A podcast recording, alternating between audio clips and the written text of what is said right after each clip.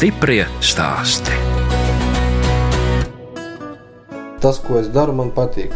Ja es negribētu nodarboties ar lauksaimniecību, un man piespiedu kārtā tevis pateikt, tu klaudēliņ, es esmu to visu uzsācis, un tad tev ir jāturpina, kur tam mēs to visu liksim, tad būtu tā baigā nasta. Un beigu beigās tas pavēršas tā, ka vai nu tas biznesa beidzās neveiksmīgi, vai nu caur sakostiem zobiem tas cilvēks turpina to darīt. Un nu, rezultāts nav tas labākais. Un es negribu, lai mani bērni kādreiz izjustu to nastu. Ja viņi man pateiks, ka viņi grib būt inženieri vai kādu citu profesiju, lai viņi nodarbojas ar to, ar ko viņi vēlās nodarboties. Lai viņam tā katra diena sagādā prieku.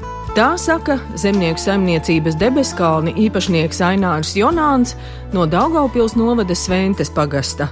Es, žurnāliste Daina Zalamane, Šoreiz ciemojos Latvijā pie jaunas ģimenes, kas audzina trīs bērnus. Kā lielākā daļa lauku jauniešu, Ainārs un Linda satikās studējot Latvijas lauksaimniecības universitātē. Linda izaugusi Zemgāles mazpilsētā Bēnē, bet Ainārs Daugaupils novada Sventes pagastā. Man māsa ir jau vecāka par četriem gadiem, kas man interesē. Toreiz jau nebija datoru. Mopēdi. Mm. Redz, sieva jau saka, ka mopēdi jau bija bērnībā, varbūt nē, tas jau pusauģu vecumā. Pat cik mēs lauku bērni piedalījāmies arī lauku darbos, mums vajadzēja ravēt to, ko mamma audzē. No septiņiem gadiem man bija doba sava, kur bija, kā tagad atceros, sarkanās bietas, ravēju un tētis veda pienu tirgot uz pilsētu. Un es viņam līdzi devu grozu ar uh, sarkanām bietēm, lai viņš pārdot, un tad man sava nauda bija. Un kāpēc tieši bietas? To es nepateikšu. Māma sēklas atvedīja. Nu, visticamāk, jā. nu, un skolā, kas jums patika? Sports, matemātika. Kur te jūs mācījāties? Silks pirmā vidusskolā. Man bija nostāja no pašas bērnības, ka man bija kauns paprasīt naudu, jo naudu bija jānopelna. Vienmēr kaut kā viņa bija iegūta caur darbu. Tādi Vienu mušiņu, viens santīms. Kādu mušiņu?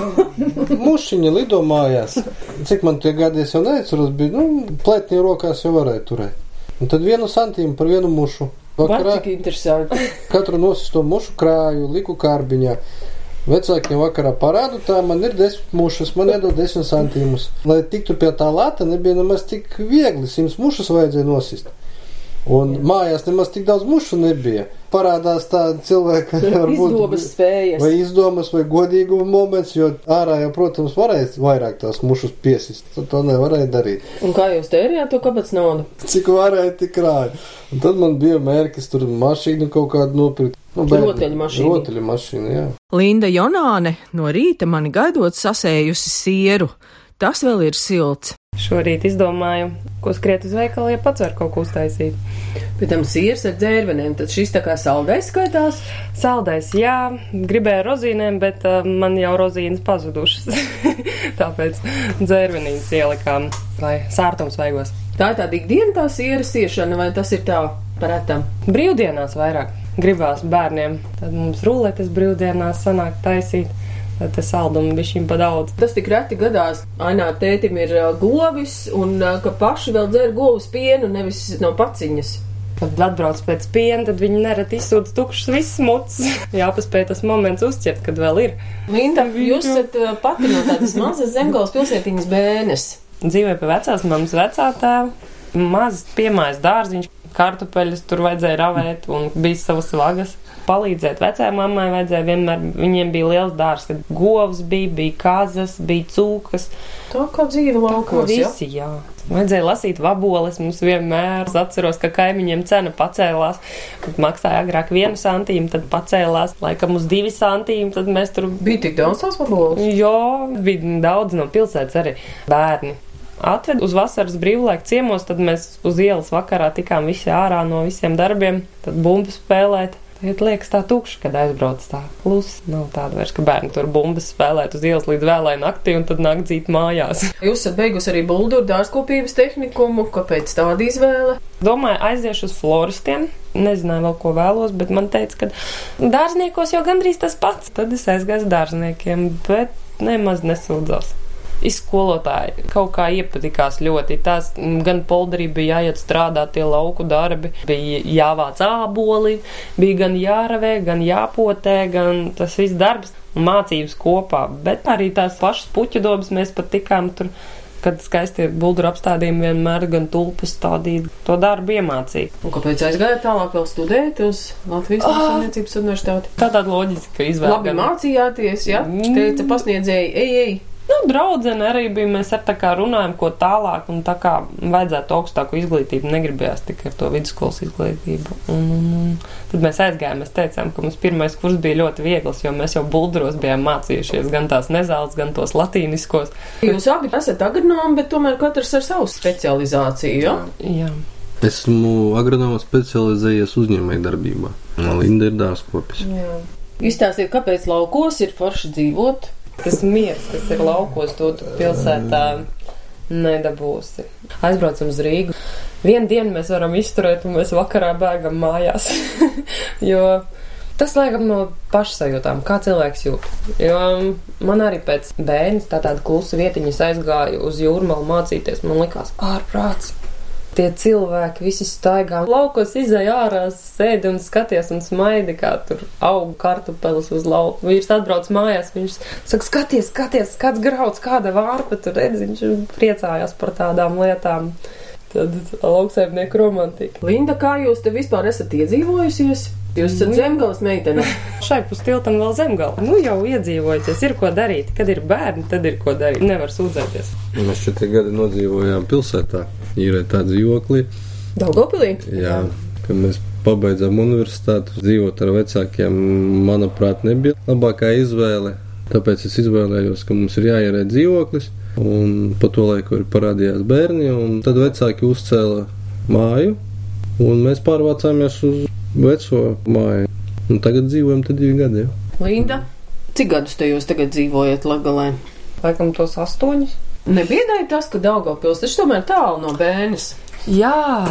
Sākumā bija grūti tā pierast, jo es teicu, ka man nekad dzīvē krievu valodu nevajadzēs un nemācījos. Bet atbraucot uz Daugopilu, pirmos gadus likās, ka ļoti daudz runā krievu valodā. Pirmajā gadā aizvedu uz lauku. Tur bija cilvēks, kas palīdzēja, nu, tos maisus arī celt. Viņš latviski vispār nesaprata, tad, nu, es tā, bet, nu, jau iemācījos. Sarunu līmenī pateikt jau māku. Kā ar latgaliešu valodu? Aināram vecā mamma teica arī runā. Saprast jau saprot, ko viņi tur runā. Bet, Un kā jūs bērni? Runā arī latgaliski. Ah, bērni. nē, nē, vēl nē. Aināri, jūs mācīsiet? Ja viņi vēlēsies, tad viņi paši iemācīsies. Bet ja mamma latgaliski nerunā, Saprot, jā, pats jau teicis daudz daudz. Arī nerunājat? Mans tēvs runā, jā.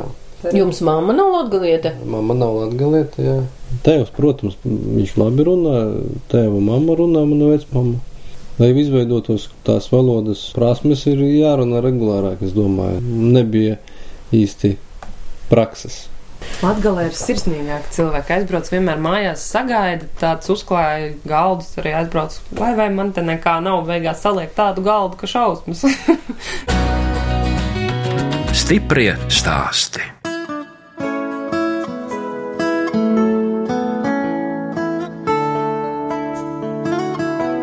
Jūs klausāties raidījumu stiprie stāsti.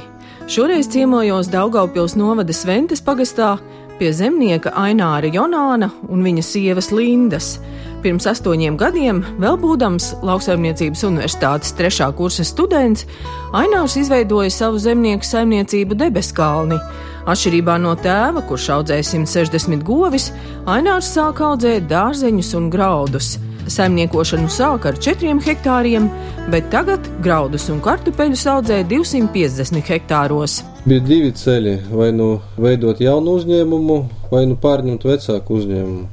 Un pat cik es biju vēl pietiekami jauns, tomēr jāgūst kaut kāda praktiska pieredze arī patstāvīgā saimniekošanā. Izvēle tikai likt uz to, ka es veidoju savu uzņēmumu no nulles, viņu arī attīstu. Tāpēc izvēlējos pilnīgi atsevišķu nozari dārziņu audzēšanu.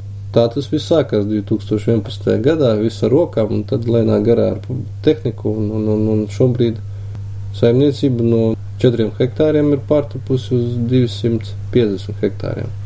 Pirmo hektārus tos četrus uzdāvināja vecāki, lai varētu dibināt saimniecību. Un pārējais tika nomas, un laika gaitā arī kaut kas iegādās. Tika. Tad no saviem iekrājumiem tika iestādīti pirmie kartupeļi, Pirmie 0,7 hektāri, jā, rokā viņi bija. Tehnikas vēl nebija, mēs visu stādījām ar rokām. Kartupeļu kratītājs bija iegādāts, jā, toreiz. Traktorus es, nu, ņēmu no vecākiem, bet pa naktīm, kad, kad netika viņi izmantot saimniecībā. Nu, lai nevienam netraucētu, lai visus darbus es veiktu pats. Tā liekas, tas ainārs tāds sava ceļa gājējs. Jā, stūrgalvīgs. Kad viņš kaut ko ieņem galvā, tad viņš var skriet, liekas, ar galvu sienā, bet viņš to panāks. Viņam ir tāda spītība iekšā. Pirmā gadā tos no septiņiem izaudzējām, visu sēklu atstājām. Sekojošajā gadā projektos jau bija iegādāta tehnika, jau bija savs sēklas materiāls, ar ko varējām apstādīt 4 hektārus. Viens no iemesliem, kāpēc dārziņa, jo pagrabs bija, Savulaik vecāki uzsāka lauksaimniecību, tā skaitā bija arī kartupeļi viņam, bet nu, ar laiku viņi no tiem atteicās. Bet pagrabs palika. Un bez pagraba, protams, kartupeļus audzēt nebūtu prātīgi. Bet tas pagrabs ir kaut kur netālu? No saimniecības 4 km. Un tad jau sākās arī realizācija. Nākamajā gadā 7 hektāri, pēc tam 15 un bija arī viens gads 24 hektāri. Šobrīd mēs kaut kā esam nostabilizējies attiecīgi robežās uz 20 hektāri. Mēs varam izaudzēt un varam arī pārdot. Daugavpils tirgus, kur var realizēt. Daugavpils tirgus tuvums tie ir tie plusi, kas arī ļāva attīstīties. Kartupeļi tiek vesti reiz, divas reizes nedēļā uz Daugavpili, uz bāzi. Es lasīju, ka jūs audzējat arī lielā kartupeļus. Latvijā atradu priekuļos un nopirku desmit maisiņus pa 300 gramiem. No tā šobrīd man ir pavairots, un šogad mēs izrakām kaut kur 15 tonnas. Cilvēki uztver viņus ļoti piesardzīgi. Viņi netic, ka tie ir īsti, netic, ka tie ir veselīgi. Jā. Sākumā bija ļoti liela vēlme viņus audzēt, jo nevienam nebija. Šobrīd tas var būt hobija šķirnu priekš manis. Jā. Viņa... 15 tonnas. Tāds liels hobijs diezgan. Un, kad izvārtos kartupeļus, viņi tiešām ir lielā. Viņi tiešām ir lielā, viņi ir tādi ļoti miltaini. Nākamajā dienā uzcep tos kartupeļus un piesit olu, tad viņi vispār ir zaļi. Bet tā ir šķirne, kas radīta Latvijā. Nemaldos, viņa vācu firma, bet eh, priekuļos pavairoju viņu. Atvesaļos tādām materiālu. Nu, tad citās krāsās ar kartupeļu ir. Ir arī sarkani, jā, bet mums nav. Bet būs? Domāju, ka nē. Pietiks ar lilā, jā. jā. Un kādus graudus tad jūs audzējat? Vasaras, ziemas kvieši, rapsis, pupas. Vieni kartupeļi nevar augt katru gadu uz viena lauka. Viņus vajag pēc četri gadi tikai atgriezties. Viņi var tajā pašā laukā. Un kur tad jūs tos graudus tirgojat? Mēs sadarbojamies ar Latviju. Es esmu arī biedrs Latvijas pieņemšanas punkts Bēskroklē. Mums tiek celts tagad Daugopilī graudu pieņemšanas punkts. Projekti jāraksta, un tas ir viens. Viss ir jārēķina. Bez rēķināšanas nekādu saimniecisko darbību, es domāju, nevar veiksmīgi turpināt. Uzsākt varbūt visi var tikai cik tā ilgspējīgi viss būs. Visu jārēķina. Bet jums ir cilvēks, kas raksta projekts, vai jūs pats visu rakstāt? Projektus raksta konsultāciju birojā. Bez manas līdzdalības tur netiek projekts rakstīts, tāpēc, ka tomēr jāzina mani plāni. No tiem izējot arī tiek veidots projekts rakstīts. Un kādu tehniku jūs izvēlaties? Modernākos traktorus? Nevienmēr. Šobrīd ir iepirkumi. Patiesībā sakot, nevienmēr tā zemākā cena ir tas svarīgākais iemesls, kāpēc to tehniku ir jāizvēlās. Ir jāizvērtē tās tehnikas ilgmūžība, servis, pieejamība rezerves daļām un uh, daudzīgi citi momenti. Projektos ir savi noteikumi. Sākumā bija pirmais projekts uz jaunajiem lauksaimniekiem 80%, sekojošie modernizācijas projekti bija 50%, šobrīd ir 40, 50. Pamazām sarūk, jā. Valsts atbalsts. Cik jums ir darbinieki? Šobrīd divi darbinieki ir, jā, un nu, es arī iesaistos, protams, darbos. Tie. Darbinieki vairāk ar tiem traktoriem brauc, vai arī tur palīdz kartupeļus nu, šķirot? Visu vasaras sezonu audzēšanas periodu un rakšanas piedalos es, un vēl traktorists un palīdz strādnieks. Ja. Mums tuvu pilsēta ir. Es domāju, tāpēc arī mums ir bišķi vieglāk. Un pilsētnieki arī brauc uz laukiem un strādā labprāt? Manā saimniecībā strādā vietējā ciemata iedzīvotāji. Tēva saimniecībā lielākā daļa ir pilsētā, jā. Traktoristi. Nu, vienkārši cilvēkam patīk tā nozare, viņam patīk darboties lauksaimniecībā, tā ir tāds dzīves stils. Dažādi darbi jāveic, nav vienmuļa darbība, un es domāju, tas ir tas patīkamākais šajā darbā, šajā nozarē, ka ļoti viss dinamiski mainās.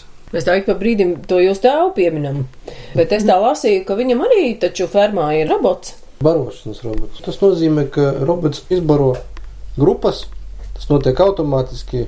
Cilvēka moments tur ir tikai no rīta un vakarā, kad viņš uzpilda lielo tvērtni, kur tiek ievietota barība, un tad robots to visu baro. Nav jābrauc cilvēkam ik pēc stundas, ik pēc divām. Tad tomēr arī tās domā par to, kā samazināt to darbinieku noslogojumu. Ja darbinieku jautājums nepastāv, ja viņi ir pieejami un viņu ir daudz, tad varbūt robotizēta tehnika nav vajadzīga nemaz. Bet cilvēki negrib strādāt fermās, lielākoties saistās ar kaut kādu smagu, netīru darbu. Un atrast cilvēku, kurš to gribētu, ir diezgan sarežģīti. Pirms četriem gadiem desmit hektāru lielu bioloģisko saimniecību izveidoja arī Aināra sieva Linda. Viņa pati saka, ka galvenais darbs šobrīd ir trīs bērnu audzināšana, bet saulaicīgi jādomā, ar ko nodarbosies, kad bērni paaugsies. Kas te jums tur siltumnīcā aug? Gurķi, tomāti, salāti, pupas, viss bērni ir lielai sējai. Tas ir spēj tikai sataisīt vadziņas, lai viņi var sēt. Saka, mamma, ko čamājies ātrāk. Linda, jums tagad jāstāst par savu saimniecību. Jums ir bioloģiskā saimniecība. Sākumā bija cidonijas, vīrs pamudināja, palīdzēja iestādīt tos pirmos hektārus ar cidonijām, ģeotekstils ieklāts dobēs, lai nebūtu vismaz ap to pašu krūmu tik ļoti jāravē. Tik rinstarps ir jāizpļauj. Viņas Ko jūs darat ar tām cidonijām? Pārdevām vietējiem, un arī bija ielikt sludinājumu, un arī zvanīja interesanti gan no Rīgas puses, gan tālākais, kuras aizved, bija uz Jelgavu. Svaigā veidā pārdodam šogad pirmais gads, kad tiešām bija, tuvu tonnai jau bija. Pagājušo gadu nebija, tik cik priekš pašiem es sagriezu. Kāpēc ģimenes? Domājam, ko stādīt. Vispār traka kultūra. Mēs iesējām, viņas vispār nenāca augšā. Mēs domājam, tur bija jau sausums ilgi. Pēc tam viņas sanāca rudenī. Vajadzēja otrajā gadā kult, bet otrajā gadā tur nebija kult. Tā kā viņš ļoti vēl sadīgi. Tikai trešajā gadā dabūjām nokultu pirmo pļāvumu. Šobrīd jau bija smuks paklājs. Cik hektāri? bija mums iesēti septiņi. Meža rupši arī ļoti labi pastrādāja. Man liekas, ka tur viens stūris norakts bija tā, ka nekā nebūs, bet liekas, ka viņas uzirdināja. Jā, mums tur bija norakts tās saknes meklējuši, laikam tā smarža tomēr viņām patīk ļoti. Viņas uzrušināja vēl labāk izauga nekā bija pirms tam. Un kā jūs tās ģimenes tad paši arī novācat, žāvējat? Viņas grūti ir izžāvēt. Cenšamies nokult viņu sausus jo izkaltēt mums pārāk maz apjoms, lai varētu kaut kur viņas ielikt. Nu jā, viņas nu, nevar sajaukties ar graudiem kopā, vai ne? Nu, jā, visādi tādi momenti, kas ir jāievēro. Un... Nu, bet kā tā doma jums bija tās ģimenes audzējot? Kur viņas tirgot privāti, tad bija ģimenēm ļoti laba cena. Man jābūt ar katru gadu tiem noteiktajiem ieņēmumiem, 200 eiro no hektāra, lai izpildītu tās prasības, kas ir tajā bioloģiskā, jo man tas cidonijas tie pirmie trīs gadi tā kā tukši Kāpēc jūs griķus sējāt? Mums bija bites, trīs saimes. Tām bitēm par prieku tos griķus iesējām. Jūs bitinieks ģimenē? Virtāps. Tā kā nebaidos no bitēm, tad viņš man ņēma līdzi. Bitēm vai kaut ko paēst, nu iesējam griķus apmēram. Zeme ir, nu tad varam kaut ko paeksperimentēt. Jā, ne īsti vēl skaidrs vīzija, ko es tur vēlos. Un kāpēc tieši tā bioloģiskā lauksaimniecība? Cilvēki meklē to bioloģisko produkciju, un arī tos dārziņus, ja audzētu, es varētu viņus realizēt, bet man vajag to laiku uz lauka pavadīt vairāk. Tā kā tikko mazo palaidu. Bērnu dārzā. Jā, pagaidām netieku vēl uz sava lauka. Gan jau ir tā saimniecība, maz pamazām varbūt attīstīsies, bērni augs palīdzēs. Ko es darīšu? Viņi izaugs, ko man darīt? Man būs kur iet, kaut kas būs sākts, maza saimniecība. Jums kaut kādi ir jau tādi plāni nosprausti, cik lielu saimniecību jūs gribat? Mums nav kaut kādu speciālu nostāju, lai paplašinātos līdz kaut kādiem apjomiem. Ir svarīgi noturēt to, kas ir, ir svarīgi varbūt iegūt īpašumā tās zemes, ko apstrādājam, jo nomājam zemi, un uz nomas zemes, manuprāt, strādāt ir ļoti Tā ir riskanti. Plāns ir turpmākais apsaimniekot savu zemi, īpašumā esošo zemi. Lauksaimniecība var nopelnīt? Var nopelnīt, ja prot skaitīt, prot reikināt. Tā jau jūs teicāt, ka jums tā matemātika padevās, jā, bērnībā. Viņam kalkulators ļoti patīk. Un ko tu jūs tur skaitat tajā kalkulatorā? Cipars. Viņš vienkārši spaida cipars. Nu, un ja vajadzēs, tad jūs būtu gatavi pārņemt tēvu saimniecību. Tas, teiksim, arī bija, nu, sākotnējais plāns jāiemācās vadīt, strādāt. mazsāpīgāk ir pieļaut kļūdas mazā saimniecībā, nevis lielā saimniecībā, jo tas atkal atspoguļosies uz visu turpmāko darbību. Kādreiz tiks pārņemta arī vecāku saimniecību. Bet šobrīd jau tur daudz pa laukiem arī atbildi. Mēs lēnā garā uz to arī ejam, jā. Šai pakastā ir kāds vēl tāds, kurš ir studējis un izveidojis savu saimniecību un atgriezies. Mm. Jā, ir jaunieši, kas gan pārņem vecāku saimniecības, gan arī paši ir uzsākuši. Un ko dara? Audzē graudus. Divi man pazīstami ļoti labi. Viņi audzē tārzeņus, kā arī ir, kas audzē graudus. Stiprie stāsti.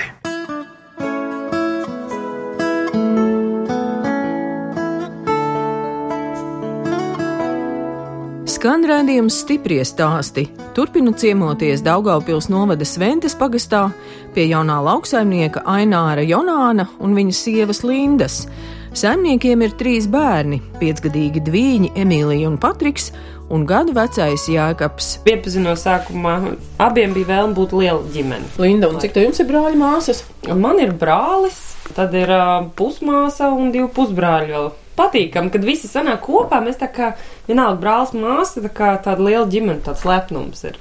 Kādās ar cik tev tur tie brāļi un māsas ir tev? Saku, daudz, daudz. Un kur te jūs kāzas svinējāt? Laulājāmies Višķu katoļu baznīcā, Romas katoļu baznīcā. Pirmajā reizē, man liekas, kad viņš atveda, viņš teica, es tev parādīšu ļoti skaistu vietu. Tur ir lauki tajā pusē, višķos. Aizved to baznīcu, parādīja tādu ļoti skaistu akmens baznīcu. Laikam tiem lauksaimniekiem tas akmens, tas tomēr tuvs. Sirdī ļoti skaisti, un viņš teica, es tev kādreiz te apprecēšu. Un tad viņš turēja to savu solījumu. Jūs esat katoļi? Jā, es esmu. Nē, es esmu Lutāns. Tagad jau laikam uz to vairs tā tik stingri neskatās. Un kā jums Abiem tur bija kaut kāda tur tā mācības jāiziet, jeb nē? Bija pie mācītāja kunga mācības mums par to, kā vajag laulātiem dzīvot. jau jāaudz. Kas jau Es noteicu, ka es pats savas kāzas finansēšu. Principā vecāku uzdevums ir bērnus radīt, izkolot un ielikt viņam to domāšanu, pašiem dzīvot spējīgiem būt. Jo bieži notiek tā, ka bērni, viņiem jau ir 20 pāri gadi, bet viņi vēl joprojām turās pie vecākiem. Ja pieaudzis cilvēks ir izlēmis, ka viņam ir jāprecās, jāveido ģimene, tad es domāju, viņam ir jāspēj arī tās kāzas novadīt. Vaināram, no tā ir tāda savu nostāja pa daudzām lietām. Linda, jūs viņam pielāgojaties? Es viņam netraucēju, teiksim tā. Kādi ir jūsu bērni? Nu, redz, tie divi, abi viņi ir līdzīgi vai tomēr dažādi? Pilnīgi dažādi. Cik meita ir mākslinieciska tāda, Mamā vairāk, ja? tāda jā, tik dēls ir spītīgāks, nedaudz līdzīgāks, man liekas, tēvam arī tāds ar savu domu, pat par elementārām lietām, kā ģērbties. Vispirms jaka, tad šalle, tā secība, ja tu izjauc, tad viņš ne, tā nav pareizi. Nu, viss Spītīgi turās, jā. Mazais puisītis.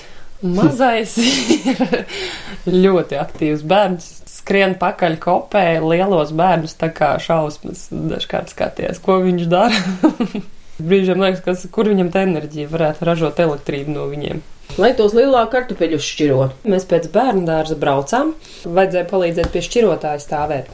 Un trīs stundas viņi var nostāvēt, nošķirot uz lentes kartupeļus. No bērnu dārza. Jā, mēs pat taisno no bērnu dārza uz pagraba. Mamma visu šķiro. pareizi mācēja. Pareizi, un vēl Jā. pabļauj mammu paķert to rekordu un pareizo lēns pusi pārmest. Un, jā, viņi nedēļu mēs tā braukājām, man liekas, uz piešķirotāju stāvēt. Nu tad darbu bērniem būsiet iemācījuši. Cerams. Tā kā cidoniem man ir bez dzelkšņiem, mm. tad viņiem arī nav iebildumi tur par spainīšiem, viņiem noteikts ir cena. Citi saka, varbūt nevajag maksāt tam bērnam, lai viņš dara to darbu, bet mums ir noteikts. Mājas kārtošana ir mammai par prieku, darbiņi, kas ir, piemēram, jādara, tad, tad viņi to naudiņu nopelna, bet viņiem stāv tā naudiņa. Meitai uzdāvināja trusi, tad viņa pati viņiem pērk ēst. Vienreiz bija sākumā, ka viņa aizgāja uz veikalu, nopirka sev leli, un tad viņa paskatījās, oh, un tas ir viss, kas man palika. Un kopš tā laika viņa vairs netērē. Taupa. Dēls grib riteni, tas arī krāj. Viņi pieraduši vasarā, tad viņi zina, ka viņi aiziet uz siltumnīcu, viņi nolas gan gurķus, tomātus, gan aplietvaru, iedod šļūteni, viņi aplēj. Dēls audzēs skābenes, arī ravēja tur un nogriež, un tā kā vasarā viņi tur tiek nodarbināti. Lai neizaug paudze, kas pārtiek no pabalstiem, vai ne? Tieši tā, nu, iemācīs strādāt ar rokām, lai saprotu, cik tas ir grūti, un lai saprotu, ka labāk ir strādāt ar galvu, varbūt. Nu, bet kā tā lauksaimniecībā? Nu, pie tā traktora vienalga jums jāsēžās. Jā, bet eh, bez galvas tur neapsēdīsies. Tagad jau modernie traktori, viss tur da, uz datora. Vēl grūtāk. Vēl ir grūtāk? Cilvēks, kas strādā uz modernas tehnikas, viņam ir jābūt gana zinošam. Kā jūs pavadāt brīvo laiku? Nu, redz, vasarā tad ir Aināram vairāk laikam jāstrādā. Ziemā, ko jūs darāt visi kopā? Nu, sniegu izšķūrējat. Sniegu šķūram brīvs sniega vīrus uzceļam mēs. Kad ārā pazvanam tikai. Nāc palīgā uzcelt galvu, nevaram pa lielu uztaisīt. Ainārs nāk un ceļ. Mēs aizem pa kūtīm, tad mēs saberam miltus, kamēr neviens neredz, tur pabarojam teļus. Un cik tad tur ir daudz tās govis? Nu, cik apmēram? 160 govis kopā. Nu, tad tās pastaigas ir vairāk te ap māju, Mājā. pa saimniecību. Aizbrauc. Mēs pilsētā uz zooloģisko dārzu, tur ir tāds maziņš. Vai arī draugi mums atbrauc brīvdienās. Tā kā jūs esat dārzniece, kādas puķis tad jūs stādat vasarā šeit? Ko tik var atrast? Mēs ar meitu aizbraucam dažkārt uz veikalu, nostājamies pie tā puķa plaukta, un tad viņa man tur salas. Aizbraucām pirkt sēklas, un tad es skatos savā groziņā, a, kas tās pa sēklām? A, tās es sev audzēšu, mammas. Nu, labi, labi. Biju Rukšāna dārzā uz Flokšu svētkiem, ar visiem aizbraucām bērniem.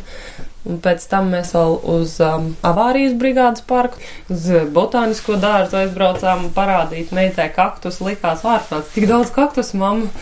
Par to basēnu jūs minējāt, kur jums basēns ir. O, tepat ilūkstā ir baseins. Tur ir bērniem nodarbības, treneris vada vieglatlētiku. Tur ļoti forši. Tas tik labi nostiprina muguru. Viņi stāja ir izmainījusies. Agrāk bija tāda kautrīga, nu jau tāda drosmīgāka iet. Bezmaksas nodarbības tiešām forši, tikai vecākiem ir jāatrod laiks aizvest. Un kāpēc to neizmantot? Un tad mums ir piekdienās gan treniņš, pēc treniņa mēs uz baseinu pēc tam, ir mazais līdz baseinā, i viss izpeldās, tad piekdienās mājās ir klusums, tādi visi tādi atbrauc pārguruši. Maziem taču vēl nav divi gadi. Jā, Viņš arī ir basēnā. Jā, viņš arī basēnā. Mēs visi. Laukos kaķītis suns ir vajadzīgs. Mums ir divi suņi, četri kaķi, trusis. Tas ir bīgls. Ļoti mierīgs. Un, kad bērni kaut kur iet, viņš vienmēr iet līdzi, viņš tā kā pavadonis. Pacieš visu, viņš ar plāksteriem ir apliemēts, ar flomasteriem apzīmēts. Kad nav uznāk dzīves piekusums, rokas nolaižas. Ļoti labs veids, kā atpūsties ir vasarā, kad sakrājas pa daudz, paņem kapli, aizēj uz dārzu, izravē kādas vagas, un tad ne uz vienu negribās kliegt tāds mierīgs garstāvoklis. Viss tagad ir mierīgi, arī bērni nodzinās, tad viss tāda mierīga, atnāk tāds klusums mājās. Nē, nu es varbūt izbraucu pa laukiem, apbrauc laukus, apdomā, sastādi plānu un rīkojies. Nekas cits nav jauns jāizdomā. Kā jums pietrūkst? Ko jums dzīvē vēl vajadzētu? Nezinu, vai kaut kas pietrūks. Man liekas, ka viss ir tik daudz. Laika šeit tad pietrūkst, tad tā viss kārtībā. Bērni ir, paldies Dievam, veseli, gudri. Tas arī ir tas, kas vajadzīgs pārējais. Atnākot. sastrādāsiet. Atnākoši pārējoši. Nu, es domāju, ka vērtības cilvēkiem varbūt nav saliktas pareizā secībā, jo man, piemēram, nav tik būtiski, kāds man ir telefons, kāds lieluma man ir televizors, kaut kādas materiālās lietas. Jāsaliek tās prioritātes. Nevajag tiekties pēc kaut kādas labākas mašīnas, ja mēs nevaram viņu varbūt uzpildīt. Vai arī apkopt pienācīgi, un tad sūdzēties, ka mums ir slikti, jo mums nepietiek resursu kaut kādu. Ja mums būtu cita mašīna, tad varbūt pietiktu to resursu. Vērtīgāks ir cilvēka moments, cik viņš ir gudrs, cik viņš ir laipns, cik viņš ir patīkami varbūt runāties, un tie graudi, ko mēs izaudzējam, viņie pazudīs un paliks zeme, bet es viņu līdzi nekad nepaņemšu. Noteikti paliks bērni, kas par mani kaut ko atcerēsies, un tālāk turpinās kaut kādas darbības, vai tās būs ar lauksaimniecību saistītas vai nebūs, tas ir pilnīgi nav nozīmes nekādas. Redījums stipri stāst izskan, un mēs atvadāmies no Aināra un Lindas Jonāniem, kas Latgalē Daugaupils novada Sventes pagastā audzēja graudus un kartupeļus, un bioloģiski arī cidonijas un ķimenes. No jums atvadās žurnāliste Daina Zalamana un operātore Inga Bēdele, lai tiktos atkal tieši pēc nedēļas. Stiprie stāsti.